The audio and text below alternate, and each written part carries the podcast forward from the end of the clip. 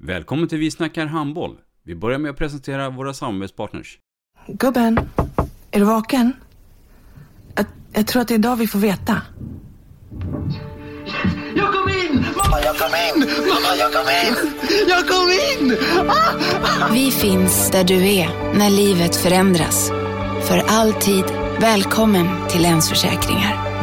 Nej men, ska du ha t-shirt på dig? Du, det är ingen vanlig t-shirt. Det är en nya bollar till klubben t-shirt. Och så matchar den grillkryddorna vi ska använda. Hur då? Men det är ju alla ska med på klassresan grillkryddor. Stötta barn och unga. Shoppa på newbodyfamily.com.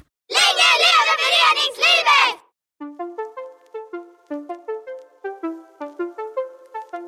Välkommen säger vi till dig som lyssnar till den bästa handbollspodden. Vi snackar handboll med Robban Z och gäster. Vi snackar handboll, där du får veta alla sanningar som du inte visste att du missat. Vi snackar handboll. Idag i programmet Vi snackar handboll så ska vi prata mycket ledarskap och eh, vi gör det med en eh, ikon och en eh, fortfarande aktiv tränare. Mycket, mycket varmt välkommen Rustan Lundbäck. Tackar. Rustan Karl Åke Lundbäck, född 9 september 1962 i Göteborg. Vem är det? Ta oss nu från början. Och då menar jag från början. Mm, jag kommer här från framsidan då. Kanske hörs också norra stadsdelarna. Född där i Kortedala. Eh, växte upp i Bergsjön. Mm. Förort i miljonprogrammet eh, det är så det funkade. Att man flyttar utåt och det gör det väl i många städer. Att man bygger vidare utåt. Eh, I Bergsjön då som sagt. Och där eh, där började jag, höll jag på med eh, fotboll, friidrott och så handboll då. Mm. Men det är ju som så många föreningar som fanns i en tidigare förort som nu är en innerstadsdel nästan, Gamlestan. Där fanns mm. ju väldigt många föreningar. I BK Baner hette den. Mm. Och den föreningen flyttade väl eh, ja, min farsa, jag och mina bröder och så upp till Bergsjön mm. och drog igång. Så det, det ju så, det blir lite så med demografin att det flyttar sig i föreningar. Så det blev ju en Bergsjöförening då, så det är ju min moderklubb då, BK Baner. Berätta gärna lite grann om familjen Lundbäck. Alltså mamma och pappa, var de idrottsnördar på den tiden eller? Ja, min pappa blev ju, han blev ju den eldsjälen i BK Baner. Han mm. var ju i den här förorten. Han gick ju helt enkelt också. Han byggde egna mål och satte upp det på asfalten och grejer. Gick och samlade ihop busungarna. Och, det var eh, så på den tiden också? Det fanns busiga ungdomar också? Ja, det är som sagt, eh, de ser väl inte riktigt likadana ut som i dagsläget de här förorterna. Men mm. det, är, klart, det var ju en förort. Det är, är ju som det är. Jag har väl ganska många kompisar som inte lever i dagsläget och så vidare. Men jag tycker de här stadsdelarna har fostrat många duktiga människor också. Mm. Men eh, ja, så var det väl. Men jag hade en eh, trygg uppväxt med pappa och mamma och fyra syskon. Mm, mm. Höll alla på med idrott? Eh, mer eller mindre och eh, alla utan en brorsa tror jag mm. spelade här i Baner och min lilla syster också då som är sista. Henne använde vi också som handboll när vi tränade lite när hon var liten och mm. kastade till varandra. Man pratar ju mycket om curlare föräldrar eller curlare barn. Vill du påstå att du var det när du var liten eller fick du klara mycket på egen hand? Ja, vi klarade oss nog väldigt mycket på egen hand. Men vi, vi hade tryckt så på det sättet att uh, mamma var ju hemma mycket. Alltså. Mm. Och, uh, och Pappa farsan, jobbade? Farsan jobbade på järnvägen. Mm. Skolan då? Rustan som skolelev. Var uh, du Guds bästa barn? Skolan har jag alltid gillat. Den har passat mig. Sen kanske, ja men det var jag nog. Eh, Eh, men ja, det var inte sådär, jag var inte... Skolan passade mig bra. Ja. och eh, men jag var nog ledare redan i skolan också i och för mm. sig. Så det var inte sådär att jag satt i ett hörn och var pluggis. Men jag pluggade och tyckte man kunde kombinera de sakerna. Och Men skolan har alltid passat mig och så alltid tydligt att jag också sen, och det är väl präglat mina syskonskaror och så också, att vi ska bli typ lärare. Så det blev mycket så. Mm. Eh, Kände du att du var allätare Som- i skolan och de olika ämnena? Ja, eller jag har du haft, några? ja, och jag har haft lätt för mig också tycker jag. Jag har nog varit allätare och sådär. Kanske mer matte och sådär än språk egentligen faktiskt. Och, eh, eh, så det gillar jag. Men, som, men det, idrott har ju alltid varit väldigt mycket. Jag är väldigt idrottsintresserad pappa och sådär. Så idrottslärare skulle man bli. Mm.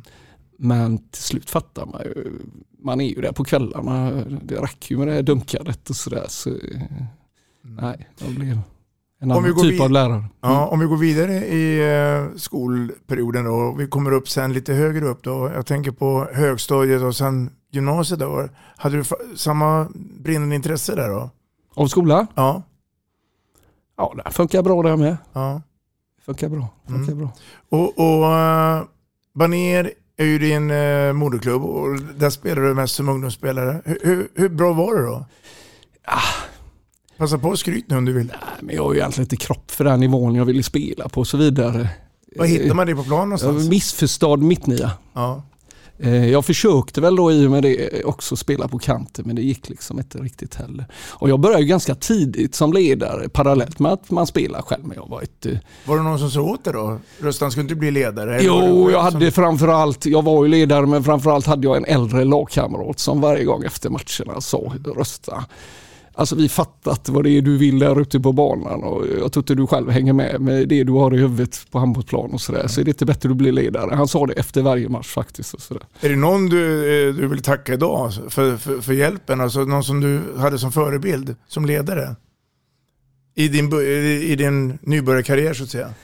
Nej, men den som drog igång det där var väl egentligen storebror då Jerker Mm. som också var min tränare i många år och så som var den som hittade och tog tag i det här som Lars-Erik Sell och andra Mm. drog in här i Sverige. Eh, Lite systematik. Frölunda var ju en föregångsklubb med Lars-Erik Sell och Drat och de här i Göteborg. Så, så var det ju. Eh, sen höll jag väl på där. Men sen fick RIK ögonen på mig av någon anledning. Det var en kille som hette Janne Gummi Andersson, den yngre då, som Mm. verkade och flyttade till Lysekil sen. Som tipsade. Och då blev det ju då för de som lyssnade på Ola och Reine att när Reine klev upp i och skulle ta A-laget där så hade han ju nästa gäng då. Han hade ju som han berättar då 64 men det var ju ett nästa gäng han hade på gång parallellt där med 67 och de här då som och sen var Bagan 69 och de här som jag väldigt ung då fick skulle ta hand om och det var ju inte så lätt att efterträda Reine där riktigt. Nej. På den tiden, jag tänker på gymnasiet då, då fanns det ju inte någon handbollsinriktad linje. Alltså som idag med handbollsgymnasium och det. Vad, vad, vad hade du för intresse förutom att hålla på med handboll? Där? Jag tänker på den civila karriären. Du var inne på lärare. Ja, jag blev lärare, det var jäkligt svårt att bli lärare då. ja. Jag kom faktiskt inte in i början där fast jag hade i stort sett nästan högsta betyg och sådär. Och- Det var tuff, Ja. tuffa konkurrens. Ja, jag kom ju in på läkarlinjen och Handels och sådär. Och jag började faktiskt läsa på Handels lite sådär. Men så dog farsan lite plötsligt tidigt och sådär. Så tappade jag, för det var tufft att läsa här på Ja. Handels. Så jag läste bara, jag studieuppehåll och om jag börjar igen. Men så kom jag in sen på lärarlinjen och utbildade mig till lärare. Så Och första lärarjobbet, kommer du ihåg det? Jag vik, vikarierade ju ganska mycket också. Sådär. Ja. Och det var ju mest ute i, i Bergsjön. Det var det absolut. Och det var där jag fick min första fasta tjänst och så också. Och det var ju ungefär samma period då när jag blev klar som jag verkade. Och när jag blev klar lärare så var jag med då på RKs A-lag Mm. Med Ola Li när vi hade Mm. det då. Mm. Eh, så det var vid den tiden. Mm. Mm. Det är skillnaden att vara lärare då och idag, tror du? Tuffare klimat? Eller Ja, både och? tror jag nog inte. Nej. Ja, det kan det nog vara kanske. Men eh, det var nog tufft då också. Något sånt där. Senare i livet så bildade du familj. Mm. Hur gick det till då? Hur man bildar familj. Ja. Eh, nej, jag träffade en dam. Via idrotten eller var det? Nej, det var det faktiskt inte. Utan det var lite på annat sätt. Det var Ja. inga konstigheter med det. Nej. Och, Träffade och, säkert ute på krogen. Eller? ja. Mm. Kände du då att eh, i det läget då, när när du är på väg att skaffa familj att det kanske blir så att jag får prioritera andra saker? Eller, eller var det här fortfarande ledarjobbet och idrotten och, som var ditt starka intresse där? Ja, och när barnen kom och sådär så tror jag också att det var väl i den vevan jag ändå... Ja, ja men det gick att kombinera tyckte jag. Min fru eh, jobbade som brevbärare också. Vi gick ganska mycket om lott och sådär. Mm. Vi möttes. Ja, i- i farstudörren. Ja. Ja. Och sen eh, sista barnen, när barnen var små så var jag ändå inne då och var inne i nästa förening då som vi kommer till sen också Mm. då efter. Så, Mm. så då, Den spelande karriären, när, när sa du tack och hej till den? När kände du att nu har jag gjort mitt? Eller ångrar du det? nej, nej, nej, nej. Det- När i tiden är vi då? då? När, när du säger att Jag spelar väl något år eller två som senior. Mm. Och det var ingen annan klubb så som skulle säga, ja, men kom till oss igen och spela. Eller du, du kände att det var RIK som gällde. Eller så var det, Som ledare? ja eller som spelare. Så. Eh, nej, Nej, vi lämnar den här. nej. Det här spelarkarriär. Familjen Lundbäck fick ju några barn. Ehm, har du format dem att de ska bli handbollsspelare alla? Nej, jag ångrar nog egentligen det med killarna att det inte blev. Vi, vi bodde ju lite, vi bor ju lite utanför. Mm. Jag har en liten hästgård och sådär också. Så det blir ju, för killarna blir det kanske inte naturligt sådär att börja. För då ska man nog vara med lite mer och kicka boll och sådär vid sidan för att komma in i det. De var ju med och spelade fotboll där och så vidare. Men eh, sen hade jag ingen aning om att de skulle bli två meter båda Mm. två. Ja. Fasiken, ja. Kanske Nej. målvakt eller något där också. du då, då är man ju inte lika beroende kanske av att vara i gruppen där. Nej.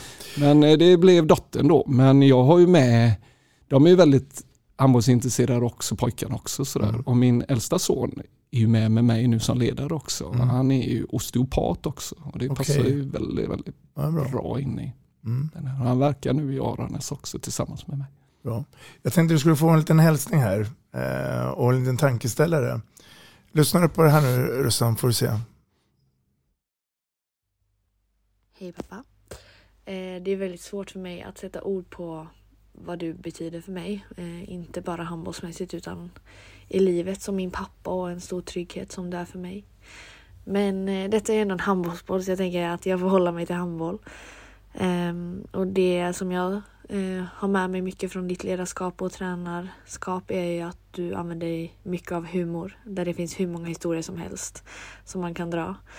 Eh, Men även att du följer med i utvecklingen, du är prestigelös, tar hjälp av dem du tycker bidrar till att eh, göra dig bättre och eh, du är aldrig nöjd, du vill hela tiden lära dig mer liksom. Eh, och det här med att du aldrig är nöjd är även någonting som man som har haft dig som spelare och även som spelare som har det nu kanske känner att, att det kan vara lite jobbigt. Eh, att man kanske gör något, något snyggt och sådär men eh, du ser en detalj som skulle kunna vara bättre. Men det är någonting som man verkligen lär sig uppskatta för man ser utveckling på det. Och många har ju såklart sett dig skrika mycket och leva dig in i matcher och sådär men det som många inte får se är ju dig utanför plan. Eh, Till exempel efter matcher i omklädningsrummet där du är väldigt eh, lugn och tydlig med vad som har varit bra och vad, vad man kan ta med sig från matchen och sådär. Eh, Och det här med att du lever dig in i matcher är någonting som en gammal spelare till dig, Erik- Fritzson, eh, sa att eh, nej, men man är inte rädd för Rustan när han skriker och sådär. Det är man van vid. Det är, när han, det är när han är tyst och bara stirrar på dig med de där ögonen. Det är då, det är då man blir orolig. Ehm, de ögonen som jag kanske även har ärvt. Ehm, men det är någonting, du brukar skydda dig med att säga att eh, handbollen är din plats att leva ut för hemma. Det är där du bara får skäll liksom. Så det är väl ändå lite kul. Ehm, som avslutning kan jag bara säga att jag verkligen hoppas att jag får äran att ha dig som tränare igen. Så puss och kram. Mm. Amelia Lundbäck. Vill du påstå att hon är en, eller kan bli en kopia på pappa Rustan? Ser du massa likheter? Det är nog väldigt lika. Mm. Mm. Men eh, När du hör henne, berätta här nu, vad, vad, vad tänker du då? Um, att jag har lyckats som förälder. mm, Som är ganska lika de olika ledarskapen egentligen. Förälder, idrottsledare, lärare, chef som jag jobbar som nu och så vidare. Det är, Känner du att du har varit, du och din hustru, att, att ni har curlat barnen? Eller känner du att de har fått samma uppfostran som du fick med din mamma och pappa? Förstår du frågan? ja, men jag tror nog... Alltså det är ju där man brister som förälder för vi curlar allihop. Lite för mycket tycker man och sådär ofta. Så där man Får du tänker- tankeställare ibland? Eller är det någonting bara... Nej men man curlar men... Eh, men vi försöker ju... Klart man försöker få dem att vara självständiga individer och sånt också. Och det är de och det känner man ju nu när de börjar bli stora och så här. Ja. Och Amelia är- är inne på en sak och jag tror vi kommer väl in på det här hur, folk känner mig och det är ju från matcher och så vidare och grejer. Och eh, ja, det är väl en sak och sådär. Det är väl lite samma med Amelia tror jag. Jag tror att hon är, om man pratar med lagkamrater till henne så tror jag hon, är nog en fantastiskt bra lagkamrat. Mm. Empatisk och tar hand om folk och hjälper till och vill hjälpa folk och sådär och är prestigelös på det. Och sånt här också. Och då känner jag, då har man verkligen kanske lyckats med den biten och så också. Men hon är också tuff på plan och syns. Och när hon har kommit till nya klubbar så kanske de har förväntat sig att hon ska vara på ett sätt och sådär. Och så, så har man varit det. Och, eh, fantastiskt fin människa. Mm. Och de andra är Mm. likadana. Mm, jag förstår det. Mm. Det är en trygghet. Um, om vi går vidare lite grann i livet så är det så att, då att du bestämmer dig tidigt för att du vill ju vara tränare och ledare. Och första stora uppdraget vad jag förstår måste ju varit perioden 96 till 2001 med Sävehof. Och framförallt damerna i första hand där. Berätta lite grann Men den det, här var, resan. men, men det var ju lite så också innan, när jag hoppar tillbaka lite, så var det ju först tre, tre år var det väl med RKs juniorlag och den Mm. satsningen som var där, som var en viktig del av det känner jag som byggde upp då, som ni pratade om med Reine också. Mm. Då var det ju A-laget och så få igång en verksamhet som var där och det, det känns ju väldigt stolt att få vara med om det. Mm. Och fjärde året så var jag ju med i A-laget då. Eh, och det var ju väldigt stort och så vidare då. Att få vara där tillsammans med Ola med de här spelarna och så vidare. Och det och jag var inte riktigt beredd på det, att jag skulle få den frågan. Så det var helt fantastiskt att få chansen där. Så jag blev väldigt överrumplad och jag var väl kanske den yngste då som hade varit där uppe. För det var Ola ville ju liksom ha delat ledarskap. Ni pratade lite om det, han ville inte vara Mm. första tränare. Men det, så- så var det ju. Men det, det blev lite tufft hösten där också för han stack ju iväg till någon, och var i Skåne på vardagarna Mm. på någon förmansutbildning som brandman eller brandchef eller något sånt där. Så då stod man där och med de här äldre, Bröderna Isén och som Mm. var med och Magnus Wislander och massa spjurar där och väldigt brett och sådär. Så det, det var ju väldigt stort. Mm. Men sen var det, det tog också det året ganska tufft och sådär så jag var lite trött och jag ville gå in för yrket och så vidare. Och sen var det ju det här att Sävehof hörde av sig, de hörde väl av sig lite innan och sådär men då var jag inte så pigg på det först heller. Jag hade väl lovat kanske då att barn och yrke och sånt där. Men så blev det då Sävehofs damer till slut där ja. Mm. Och om vi vi gör en kort paus bara. Jag, jag tänker tränarutbildningsmässigt. Första kursen, alltså första organiserade ledarkursen, kommer du ihåg den? Jag kommer väl ihåg några av dem där ja. Ja. Eh, Kände du där då att, att det var en bra utbildning eller kände du att du hade redan facit eh, innan så att säga? Eller, Ja, men grejen var ju hela tiden, jag kommer inte ihåg när jag gick den första, men jag gick ju alla som var sen också. Sådär. Och T3 var ju det som var Det högst gamla då. hedliga. Det gamla hedliga Ja. och så vidare. Och, eh, men det kommer inte ihåg vilken fas det var. Det var ju i alla fall, då var jag ju RIK och så vidare. Men det som var när jag kom från Baner och sådär och hade lite och kom till RIK, det var ju de här mötena som många har pratat om med Reine och Ola. Och det var ju Alltså man var ju bara mest innan och man hade kanske gått någon T1 eller T2 och det var lite kantväxel och det var lite dit och man sprang och sådär. Men det var ju den här att man började tänka. Man utgick ju från typ något problemorienterat och så vidare. Och vad är viktigt och vad sysslar vi med hur gör vi de stora vinsterna? Och det börjar komma in mer tankar. Så det var ju liksom det som var starten på det här sättet att tänka handboll sen. Mm. Som, och det, det är inte att det finns några färdiga recept utan det är just den här tanken och medvetenheten och så. Mm. Och den startar ju där och väldigt intressant miljö. Och sen, sen har ju den gått vidare för min del, kanske åt andra håll och när vi kommer då till Sävehof och så vidare så har jag byggt på denna. Men det är ju som en atombomb som liksom, det finns en reaktion i början mm. som bygger vidare. Och den fick jag ju där egentligen. Mm. Och prata med Reine Olle och RIK och så vidare. Ja. Så kom man igång på det sättet. Du, du, så, så, när man kommer till tränarkurserna sen och sådär. Det slog jag väl inga frivolter utifrån Nej. det sättet då kanske. För... Det var mycket korridorsnack med andra alltså, tränare som man pratar med i korridoren. Men man tittar väl och börjar fundera för det är väl det som är. Och ställa sig frågan oerhört väldigt mycket varför och mm. hit och dit. Och ifrågasätta färdiga svar. Och mm. titta på då när Benga-Johan och de kom igång med den här satsningen. Och mm. Varför. Och... Nej, det var... Jag förstår att Ola Li och Reine Pedersen eh, förebilder för dig, ändå som du tog till dig mycket. Hade du andra ledare runt i Sverige som, som du tyckte var, det här var spännande, den här killen eller tjejen, som le, i ledarskapet? Eh. För här börjar du bygga massa erfarenheter också.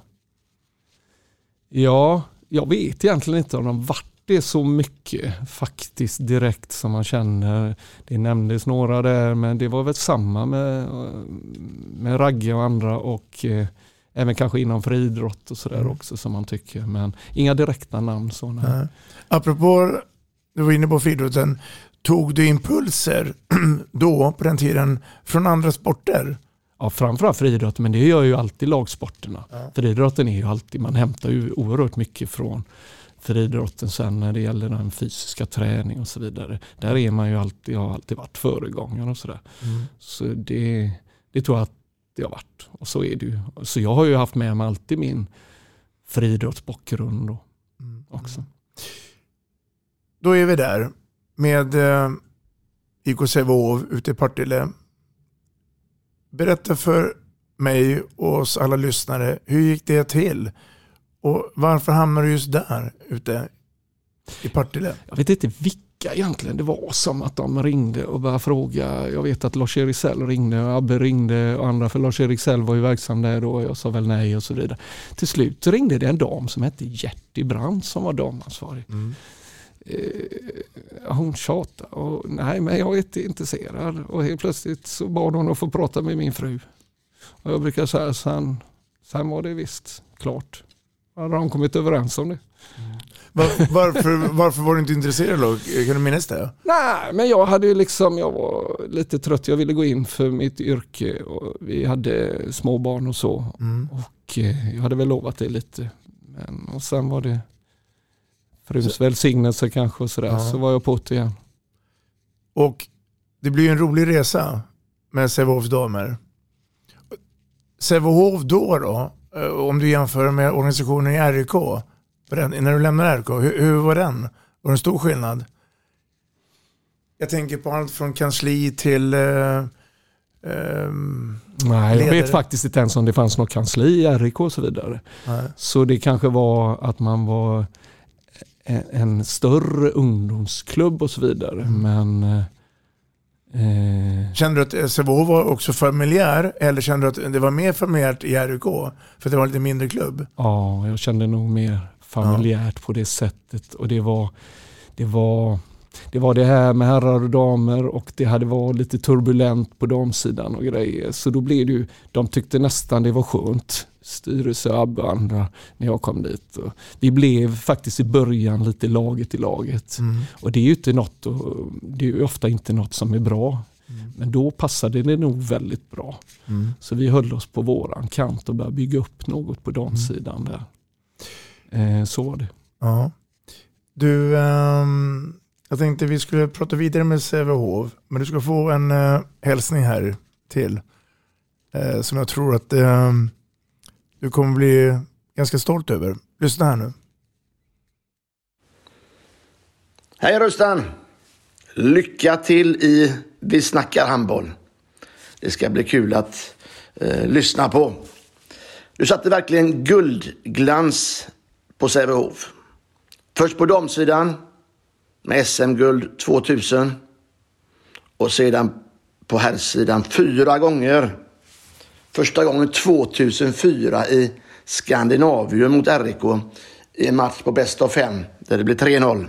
Och sedan i Globen året efter 2005 inför en fullsatt arena i den första SM-finalen som var gemensam. Och sen följdes det upp att bli svensk mästare 2010-2011 i Malmö Arena respektive Skandinavium. Alla stora arenor har du segrat. Men det man kanske ändå minns bäst, det är Champions League-spelet i Partillebo, Frölundaborg och Skandinavium. Och där vi som bästa merit nådde en åttondelsfinal final mot, eh, mot Flensburg. Sista månaden har jag helt plötsligt blivit ett YouTube-freak och sett tiotalet matcher och drabbningar, segrar mot storlag och Kiel då framförallt i Skandinavien. Det jag tänker på mest och småskrattar åt och tycker är fantastiskt, och jag kan till och med ta den i repris, det är hur du sticker ut med geniala, geniala intervjuer och timeouter utöver det vanliga. Du är en av dem som absolut bidragit mest till var Sävehof befinner sig idag.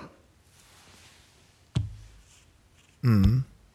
Stefan Abbe Albrektsson. Fin Abbe. Jag måste säga, precis, jag blir otroligt imponerad när jag hör det här. Vad tänker du själv? Mm. Nej, men det, det är fint att de kommer ihåg en. Ja.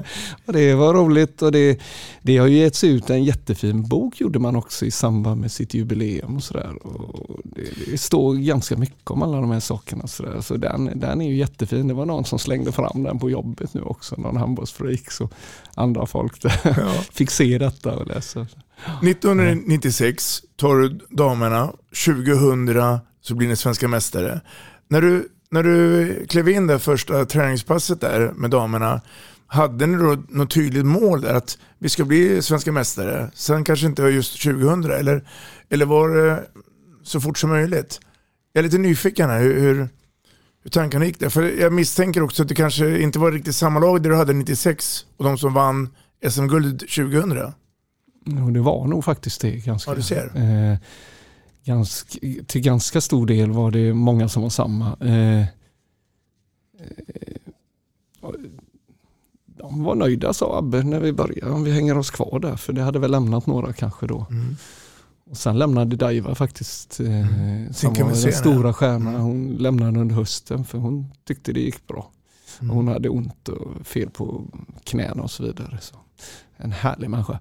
Eh, men vad var frågan sa du? Ja, men min fråga var ju lite grann hur, hur, hur, ehm, hur du satte upp målet när, du- när du Nej, kom dit på första träningen. Började du titta på fysiken direkt på dem eller, eller wow? Nej, det var nog sättet att tänka och spela handboll. Ja. Det är nog det jag brukar börja med också när jag kommer till något nytt gäng och sånt där. Och sätta en kultur också, den är ganska viktig. Mm. eh, Vad som finns och hur vi förhåller oss till saker och ting. Min, min, minns du vem du tog över? Alltså, vem var föregångaren på tränarsidan? Minns du det? Ja, det var ju Ilja. Ja. Så även om jag var arg så var det lugnt för han var alltid arg. Ja. Men den skolan som han hade, alltså den eh, kroatiska skolan, och, det, var det någonting som låg dig nära till fatet också? Alltså det är ju en av ingredienserna är ju väldigt viktigt hur man tänker. Jag, jag älskar ju att se Kroatien spela handboll. Jag kommer ihåg någon gång när de slog Sverige och de jobbar med sina tempoväxlingar och de jobbar med den här lurigheten och när de slog Bengan Boys så Mm. kommer ihåg när det var Thomas Svensson som nästan grät för han. Mm. Alltså så jag gillar ju handbollsbiten och många av de här ingredienserna i det. Mm. Men eh, inte ledarskap och så. Nej, det, det är ingenting som... Även om folk när de ser mig på matcher Mm. förknippar det. Mm. Jag hade ju någon liten kroatisk tjej, det är inte så många år sedan. Och hennes pappa kom alltid fram efter mig. Rostan, är du säker på att du inte har Balkanblod i sånt där. I och med den här inlevelsen och sånt som jag kanske visar. Sådär. Men det, det är väl ingenting egentligen att ta, som jag har tagit efter då. Som, så som jag uppfattar att det kan vara ganska tufft och så som det var. Som jag upplevde det, hur det hade varit. Mm. På den tiden så hette hemmahallen inte Partille Arena. Då var det Partillebo. Partillebo. En klassisk... Ja, den var Där känner man, eh, inte numera för nu finns den inte kvar, men jag tänker på alla väggar med Ja. svetten och hela den här Ja. biten. Ja. Jag, jag ser här att eh, ehm, den resan då, det är ju åttondelsfinaler, och det är kvartsfinaler, semifinaler och det är finaler. Och vi pratar då våren 2000. Ehm, och jag tittar här på lagen då. Kvinnliga Sport, Spårvägen, Irsta, Västerås, Skånerna, ehm, HP Varta, Sävsjö HK, Team Skåne, alltså nu- numera Eslöv. Ehm, och sen så möter ni Stockholmspolisen i finalen. Många av de där klubbarna finns inte ens kvar på den här nivån. Nej. Vad har hänt Rustan? Med klubbarna? Ja, och Sävehof finns ju kvar. Vad tror du har hänt här? Har de en bra... Jag är lite fascinerad av alla klubbar som bara försvunnit av olika anledningar. Men hur kan det vara möjligt? Ja, med många, många föreningar. Jag har ju aldrig varit intresserad av egentligen av det här kortsiktiga. Att dra ihop lag heller för att någon kortsiktig. Utan, och jag vill helst inte vara i en förening heller som gör det här kortsiktiga heller. Utan jag tycker någonstans att det här, att man jobbar parallellt både i nutid och men även på sikt och utvecklar och så vidare. Och det och kontinuitet. lyckades. Konti- ja, precis. Mm, Och eh, eh, det lyckades vi väl få igång då i Sävehof där under denna perioden och sen även på här sidan då.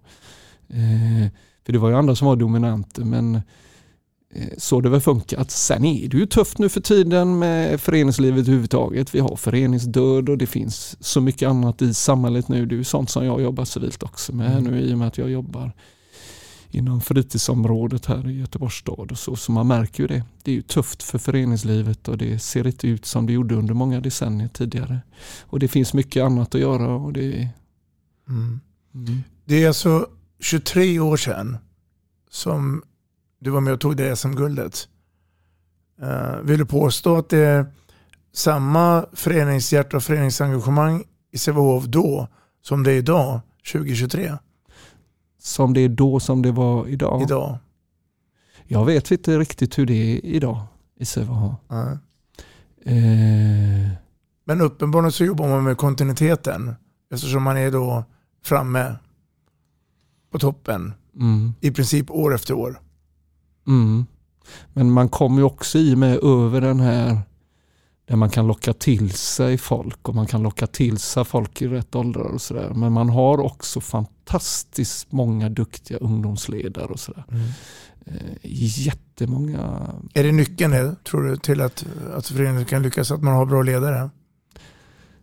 Ja, men nu är det ju tyvärr så kan jag när jag ser på nu. Det är ju jät- inte jättemånga kanske från egna leden som spelar. Ja. Och det kan ju man ställa sig lite frågande, eller det gör man ju lite nu sådär när man ser det utifrån. För man vinner ju ändå kanske JSM-finalen och sånt då. Mm. Och eh, så fram dit är man ju väldigt lyckosam och sådär. Sen vet jag inte riktigt varför man inte lyckas kanske få dem till att ha lite fler kanske i A-lagen. Mm. Eh, men Det är en bra fundering. Och det, den här diskussionen har... och den måste man föra själva där och ha någon anledning i, i Sävehof. Mm. Mm. Eh, förmodar jag. Mm. Men jag är inte med där nu och diskuterar det där. Nej. Det blir i alla fall ett eh, SM-guld 2000. Eh, du lämnar då Sävehof damer 2001. Sen då händer ett nytt skede, ett nytt kapitel. Du går över till herrverksamheten. Hur gick det till? Jag ville egentligen inte det. Jag tyckte det. Jag trivdes med tjejerna och vi hade det eh, ska jag vara helt uppriktig så lurade Abbe mig det. Och jag hade det på känn lite sådär och han sa du, vi skulle behöva träffas nu på ett möte här eller något sånt här och eh, Eh, ska ni fråga om jag ska ta herrlaget så vill jag inte komma på några möte. Nej, det gäller en annan sak. Det gäller inte det, sa han. Och sen kom vi in i ett rum där och han låste dörren helt enkelt. Och där satt jag med Stefan Albrektsson och Mats Grauers då, som hade varit ny ordförande då. Mm. Som jag också klickade väldigt bra med det. Mm. Och då frågade, då, ja, vi ljög och du har varit med och du har varit med inom RIK och så lite sånt där också. Så där, är det möjligt att vi får med vårat herrlag kan bli ett topplag i Sverige anser du så här med ett sätt att jobba som du står för och så vidare. Och snabbt kan det ta och så vidare. Ja, det svarar jag väl. Men det var lite andra sådana här saker som mm. jag sa att men sa du ja på en gång? Nej, där, nej jag försökte ställa villkor och grejer också som jag tänkte att de inte skulle gå med på. Fast de gick med på det. Ja. Jag sa bland annat att jag kan inte träna ett lag med lila eller kycklinggula tröjor. Och sånt där. Jag, jag tycker det är fräckt med svarta. Ja det är lugnt Sabbe. Svarta är grundfärgen i Sävehof. Sen var det lite det här andra med anställningen och sånt också ja. som var att men var det på någon halvtidstjänst där? Eller var det... Nej, det var faktiskt heltid. heltid ja. En av de första då? då? Eh, ja. ja. För det var jag absolut inte. Jag jobbade ju heltid när jag hade damerna. Ja.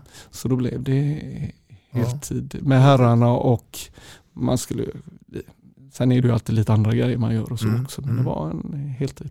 Men tror, tror du på det? Att, att eh, ska man göra det riktigt, riktigt bra så, så gäller det att ha bra villkor. Och ett av dem är att typ ha en halvtid eller heltidstjänst för att lyckas. Det går inte annars nu. Nej. Och det går väl egentligen inte kanske nästan hos spelare heller. och sådär. Det är jättesvårt. Mm. I det läget då, när du kommer in med uh, ny energi, du uh, tar över uh, herrlaget. Hur blev du välkommen med det då? För att uh, då är det herrverksamhet och, och uh, mottagandet där från, från laget. Hur, hur var det? Jag har ju haft herrar innan så det var inget konstigt. Nej. Jag anser inte det. Eh, jag gratulerar dem att jag det. Nej men jag har aldrig, jag, jag, alltså de vet ju vad de har. Mm. Jag går in och presenterar min grej och det är mm. ingen diskussion och snack om saken på det sättet. Ändrade du någonting i din ledarstil då när, när du gick ut Absolut inte. Nej. Utan eh, det, det, så säger jag och det spelar ingen roll om det är kvinnor eller män eller Nej. pojkar eller flickor eller något sånt. Men, det, det, Men det är ju mitt sätt att se på handbollsbiten och så också. Så jag vill ja. att vi... Träningsinnehåll då? Höjde du den mängden ännu mer? Att träna ännu mer timmar? Eller? Ja, jag, jag står för ett ganska tillitsbaserat eh, ledarskap. Och jag tycker kanske så här att om vi ska, det finns möjlighet att ses, de, är, de jobbar ju fullt och de går i skola och så vidare. Det gör man ju mm. då mm. också. Mm. Och vilket många gör nu också. Men jag tycker den tiden vi har möjlighet att träffas tillsammans så tycker jag att vi kan ägna oss så mycket åt handbollsträning. Jag förstår inte att om jag som tränare ska behöva stå bredvid varje gång ni kör eh, fys. Mm. För det kan man ju liksom. Mm. Och det är ju det det handlar om också att man kan ta sitt ansvar och det här är med tillitsbaserat och så vidare. Utan jag tror att vi ökade de gemensamma handbollsträningarna tillsammans och så får man köra fys i större utsträckning själv mm. och när det passar in i ens egen planering. Och så gäller det att man kan hålla det och att det är tillräckligt många i ett lag som kan göra det och anamma det och att vi får in den kulturen och skapar mm. den kulturen. För då eh, det, så på det sättet tror jag att vi ökade, vi hade väldigt mycket handboll tillsammans och så fick man sköta väldigt mycket fys mm. på egen hand eller med hjälp av andra folk mm. än mig som tränare mm. som stod med tidtagare till skott och så, så här hela tiden. Alltså, idag är man inte ensam som ledare. Man har ett koppel med ledare. Det är ju assisterande och målvaktstränare och you name it. Mm. Hur var det på den tiden? Men det var nog samma. Jag hade nog börjat bygga upp något sånt också. Jag hade assisterande tränare och jag hade eh, tog hjälp när det gällde styrka och annat sånt också. varit alltid nyfiken och plockat in folk från annat och så. Mm, mm. Ja, men du, de spelarna som eh, du har haft där är ju inga dåliga spelare. Jag tänker på Erik Fritzson, Jonas Larholm, Kim Andersson, Patrik Fahlgren, eh, Johan Jakobsson. Eh, jag skulle kunna rabbla upp hur många som helst då. Några av dem där har blivit ledare och några har trappat av. Eh, försökte du se där att prata med spelarna att du ska inte du satsa kanske bli ledare också? Att hjälpa dem på traven? Eller var det ett beslut de fick ta själv under resans gång? Att, eller kunde du säga det att du blir nog inte riktigt bra handbollsspelare men en ledare kommer du bli? Jag tror att man blir ledare. Det, om man har haft mig är det nog inte helt... Ja, jag, ni var inne på det också när ni mm. pratade. Jag tror att sättet då som man börjar tänka handboll som ledare och spelare, att det många gånger utmynnar också i en medveten en tanke som, gör, som spinner vidare som gör att man nog också att det blir ganska naturligt att man också kan figurera som ledare senare om man har det intresset och man vill fortsätta. Så jag är inte alls överraskad att många spelare man har haft blir ledare. Mm. Många av de här de spelarna jag hade i Sävehof, jättemånga av dem är också ledare mm. nu sen. Och jag har ju lyckan nu också att eh, hon jag jobbar med nu med Aranes damlag, mm. det är ju Hanna Ahl, en av mina mm. spelare som var med hela min resa där de fem åren. Hon heter Hanna Grundén nu och sådär. Mm. Det är ynnest att få vara med henne nu som ledare. Men jag tror att det det ter sig nog ganska naturligt om man tycker det är, är roligt. Mm. Och, och Patrik Fahlgren är ju Hammarby. Följer du honom lite extra? Eh, för, för att också de spelar i högsta ligan här. Eller spelar det egentligen ingen roll var de är någonstans? Du, du är allmänt nördig så du, du följer dina gamla spelare. Jag tycker alltid det är jätteroligt och nu blir det ju ännu naturligare också. för Innan jag har lag och sådär så är jag ju lite bollplank, mentor mm. åt lite både ledare och spelare. Och eh, nu spelar ju exempelvis Viktor Ahlstrand i Hammarby också som jag har väldigt tät kontakt med eh, och bollar med. Och så spelar ju framförallt Amelias pojkvän Haider mm. i mål mm. där. Mm. Och så har vi Patrik Fahlgren som ledare. Så Hammarby herrar lägger mig nu varmt och hjärtat att följa. Ja, ja, jag förstår det. Ja. Um, det blir ju en fantastisk resa, eh, Rustan, med tre SM-guld. Som då eh, Abbe var inne 2004, 2005, 2010. Vilket skulle vilja ranka som högst av de tre?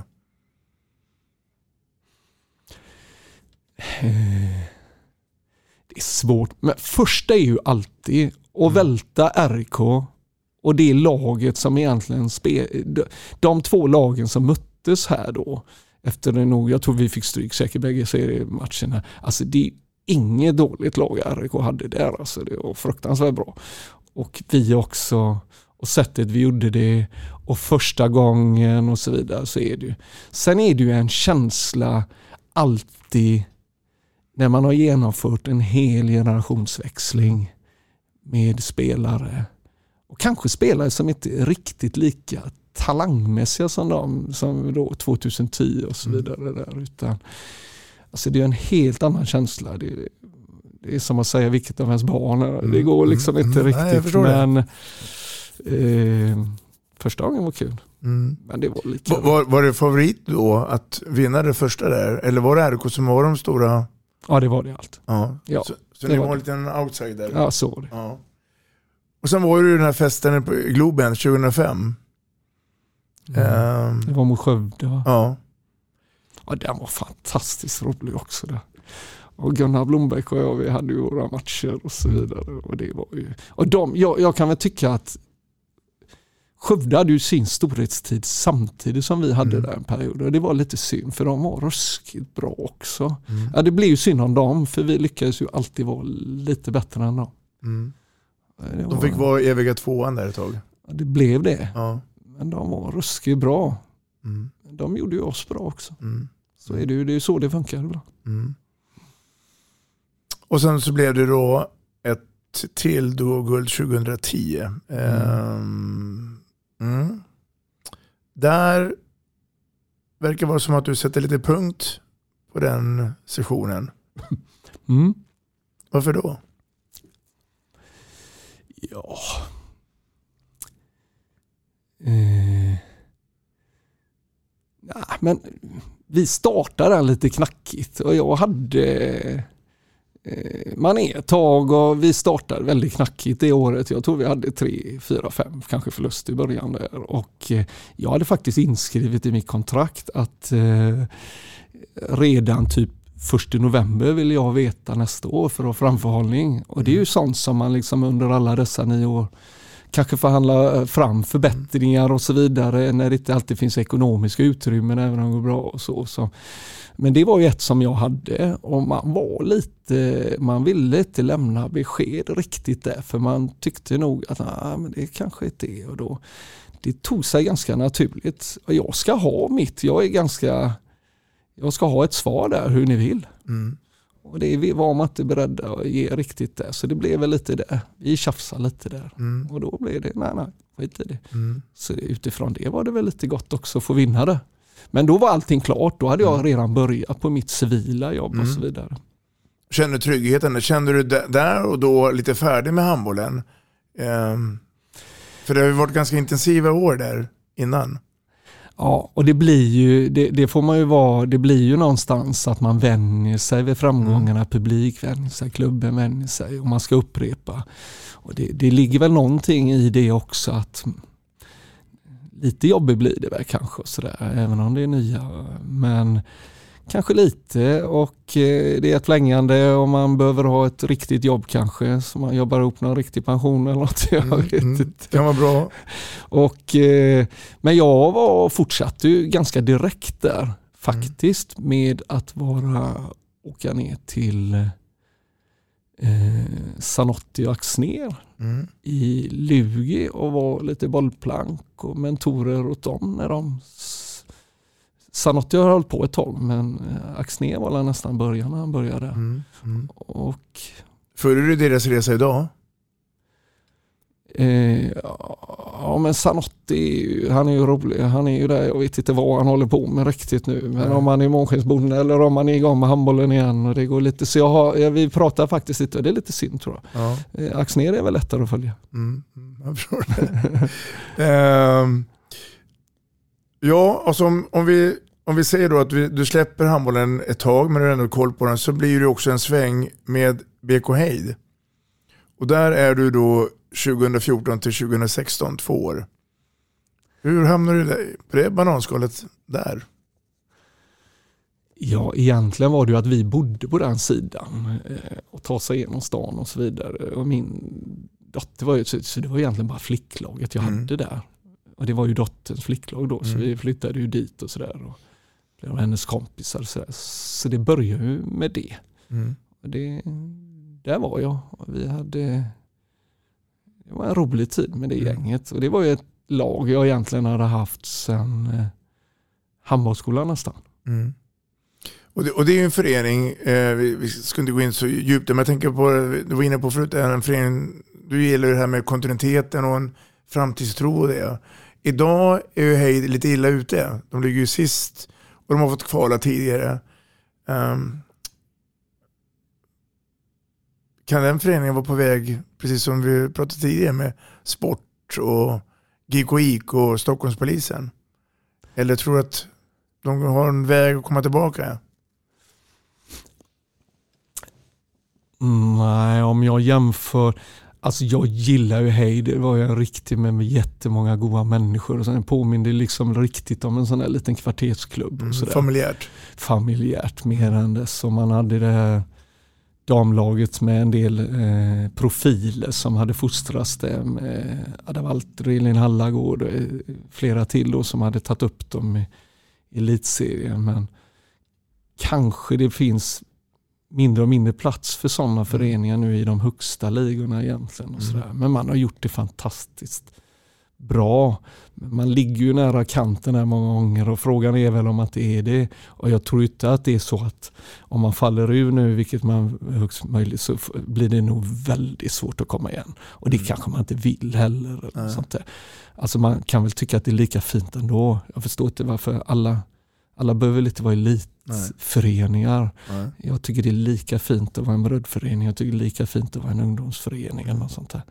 Mm. I mina ögon är det så. Men det är väl alltid ledare och så som i och för sig tycker att det här är det roligaste som finns som man siktar och spelar. Vad är ditt råd till föreningen då? Att, att, att uh, kunna ändå, många pratar om de här röda trådarna och hur vi ska vara det. Men, uh, och, och, du är inne också på att alla kan inte vara i elitsammanhang.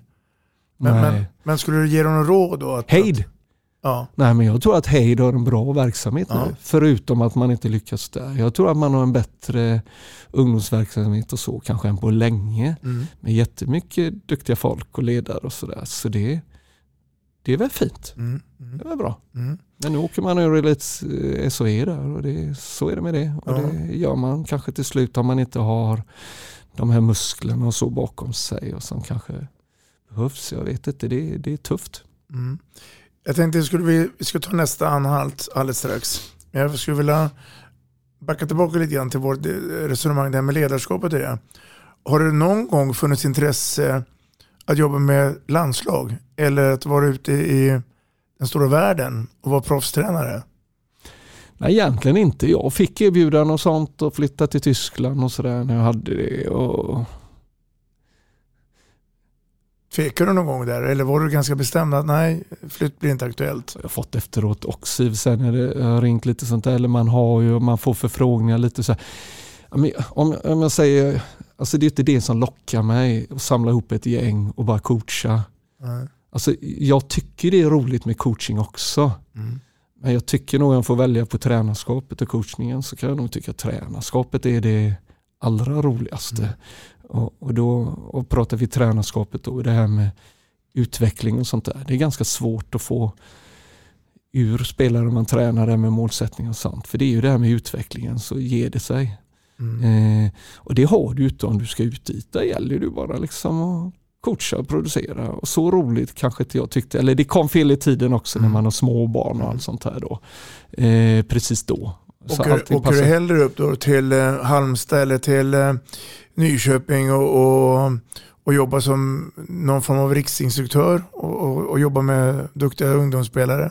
Sånt tycker jag att man borde ha och sånt ja. borde man ju verkligen fråga folk Flera. som mig och andra. Och, mm. eh, vi, vi, pratade, och jag vet inte hur mycket Ola och Reine fick sådana förfrågningar heller. Men vi har mm. nog aldrig egentligen kanske varit så mycket i ropet där. Nej, nej. Jag inte varför, men det får andra svara på. Men det är ingenting jag har legat sömnlös och undrat över. Nej. Jag tänkte du skulle få en hälsning till. Uh, för nu uh, går vi in i ett nytt kapitel uh, på den här fantastiska härliga resan du har gjort. Lyssna här får du se. Tjenare! Eh, Röstan. Jag eh, har ju haft förmånen att jobba med dig i Sävehof och även att eh, du nu har kommit till HK Aranäs. Du är en fantastisk ledare och eh, brinner verkligen för din uppgift. Berätta nu för oss, vad är det som gör dig till en så bra ledare? Ha det gött, kör hårt! Tycker det är en fantastiskt intressant fråga från Jerry Hallbäck. Uh, ehm, du ska få svara på den frågan. Men också efter då hejtiden så eh, blir det lite paus och så blir det då åka Aranäs. Varför då? Ja, det var den jäkla gubben som ringde och tjatade. Eh, och jag bor ju ganska nära ditåt. Jag bor, jag bor ju i Mölndal som är södra, söder om Göteborg och det är inte så långt ner dit. Och, eh, ungarna flyttar hemifrån allihop och så vidare. Och eh, jag tänker jag hinner ju inte allt sånt där. Men så tänker jag handbollen, även om den tar tid så ger det väldigt mycket energi mm. tillbaka. Så det är inte alltid att saker och ting tar tid, att det tar energi. Men handbollen. Så jag sa väl, och, och, jag kan väl vara med ett par gånger i veckan. Men jag tänker inte coacha eller något sånt där. Och sen när man väl är det så, så blir det matcherna också. Mm. Och en dag till kanske. Det är väl så som det blir. Och Aranäs är ju en framgångsrik och stor ungdomsklubb. Det bara plöjer fram duktiga spelare underifrån. Men eh, hans fråga där då, att eh, vad är det som gör det till en bra ledare? Ja. Ledare överlag eller just när det gäller handboll? Jag tror att vi ska välja oss över handbollen. Ja. Eh, jag tycker jag har, alltså jag har bra blick för det hela. Så är det. Och sen det här sättet som jag sa, den här starten man får när man jobbar utifrån ett problemperspektiv som vi vill lösa, man ställer varför och sådär. Så är det utvecklande i sig. Man får det, tänker man är inte bara hela tiden, både som ledare eller spelare. Utan om man bara funderar på eh, orsaker och följder och så vidare. Då blir det spännande någonstans och då börjar man se saker på annorlunda sätt. Och så. Och då, då, då gör man det.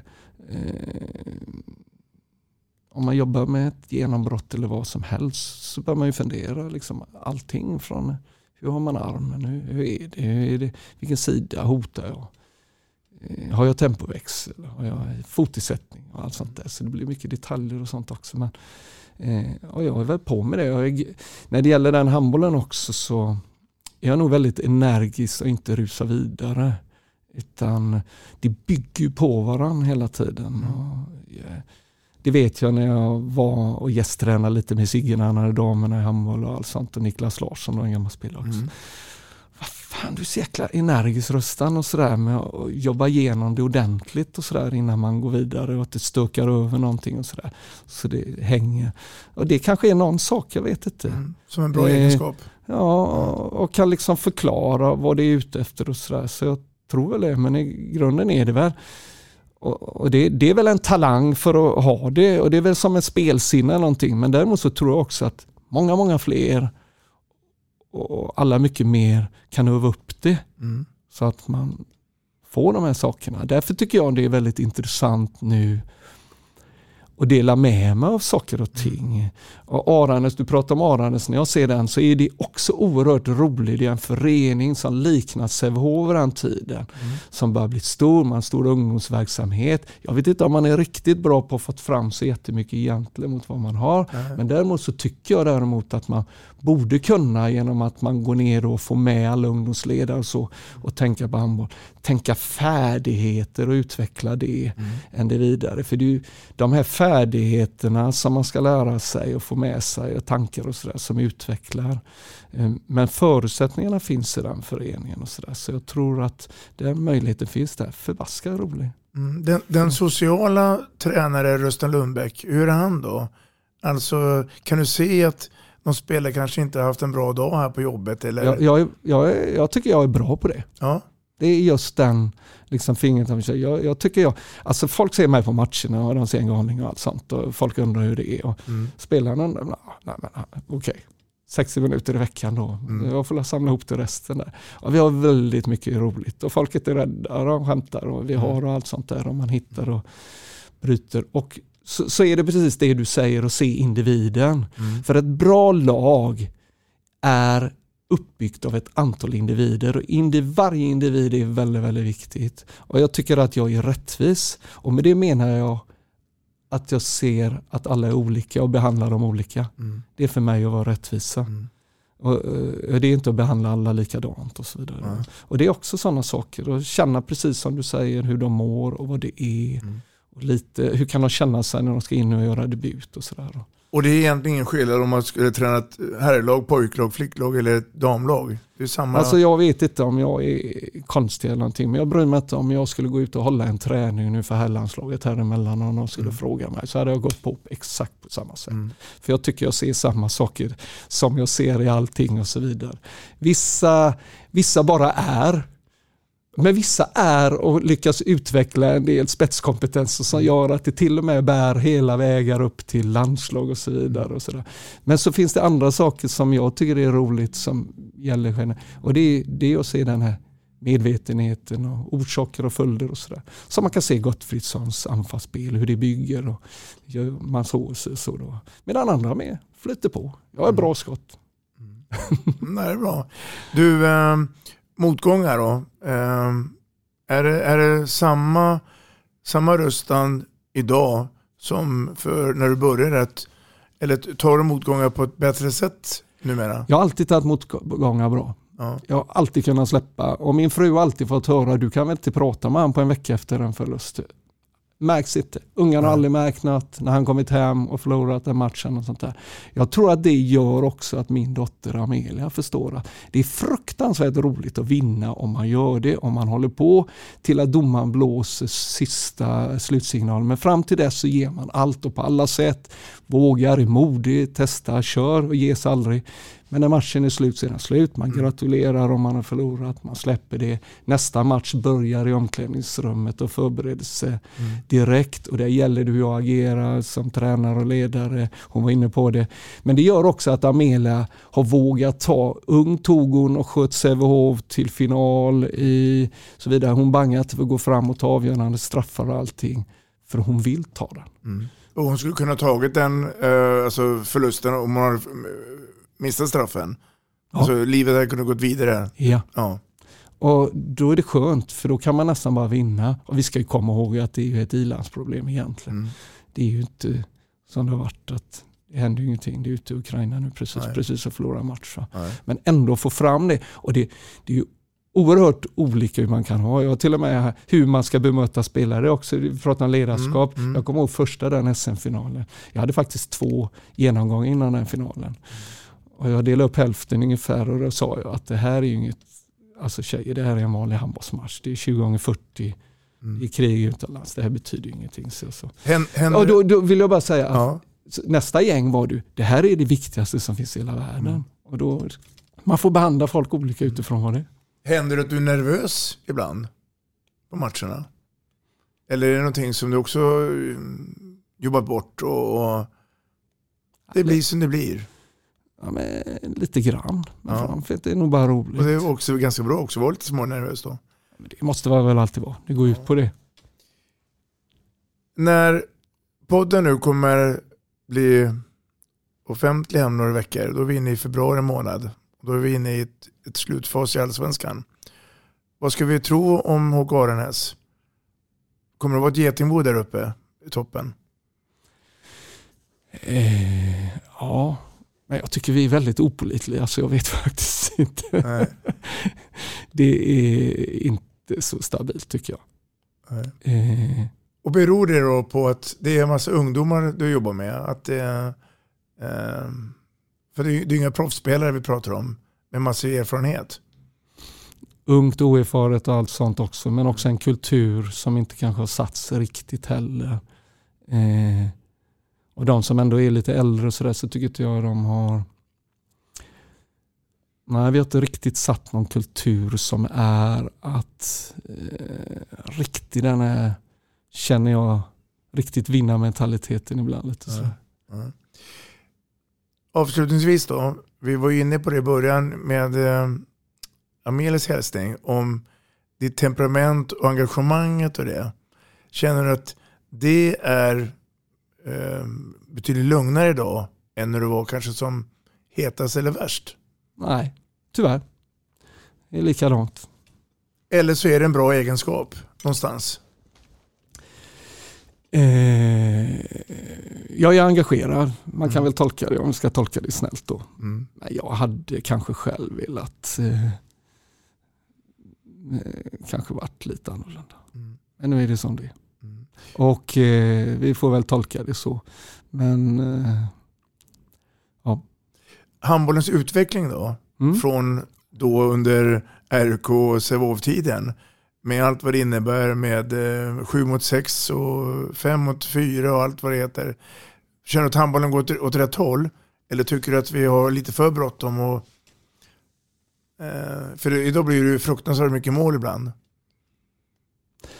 Eh, reglerna vet jag inte men handbollen kommer alltså allting går ju framåt. Med att det går snabbare Och man hoppar högre och man blir starkare och allt sånt. Så den är ju, det, och det, det har man ju alltid vetat, den kommer inte att gå framåt. Sådär. Sen om man behöver bidra med massa regler och sånt där. Sen anammar jag alltid andra, för jag blir nyfiken alltid med en gång. Hur kan jag utnyttja det här på bästa sätt och så vidare. Och vi spelade väl 7-6 även innan det blev de här sakerna. Och eh, så det får man väl ta med. Jag tycker väl kanske att alla de reglerna inte väl alltid till godo egentligen. Mm. Sen så tycker jag att eh, jag tycker väl också ibland, jag är lite rädd om det blir det så blir bara farten och styrkan och det, det får för stor, den, den ska ju med.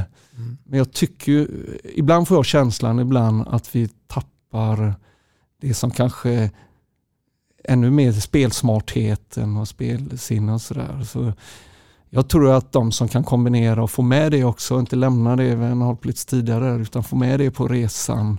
Både det här med fysiken, för det, det är alltid lätt att säga att vi behöver ha ännu snabbare, vi behöver ha mer fart och sådär. Men jag tror att, och vi, speciellt i Sverige också, så jag tror att vi ska få med smartheten och så också.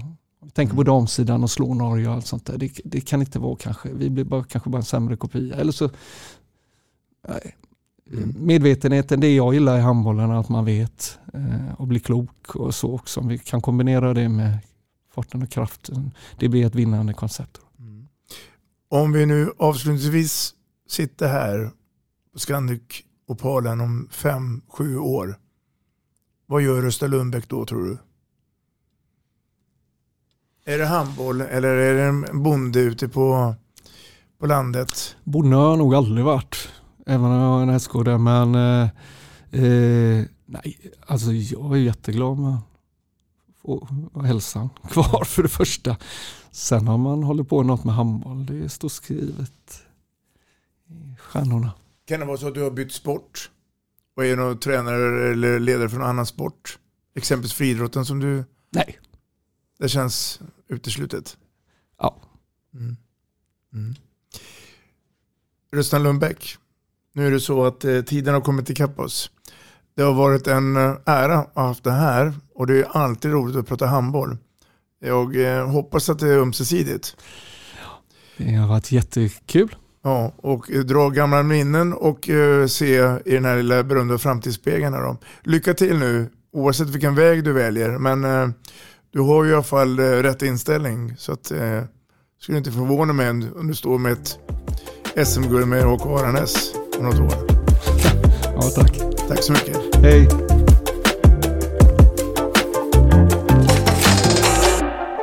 Vi snackar handboll, där du får veta alla sanningar som du inte visste att du missat. Vi snackar handboll. Vi snackar handboll produceras av produktionsbolaget High On Experience, från vision till passion. Ett avslutande tack till våra samarbetspartners. Hallå! Kommer ni eller? Ja, ja. Har du sett mina ankelsockar? De här? Nej, nej, jag menar skridskoslip till juniorlaget Ankelsockarna. Ja, men kolla bredvid träningsläger med handbollstjejerna-t-shirtarna. Stötta barn och unga. Shoppa på newbodyfamily.com. Gubben, är du vaken? Jag, jag tror att det är idag vi får veta. Jag kom in! Mamma, jag kom in! Mamma, jag kom in! Jag kom in! Ah! Vi finns där du är när livet förändras. För alltid välkommen till Länsförsäkringar.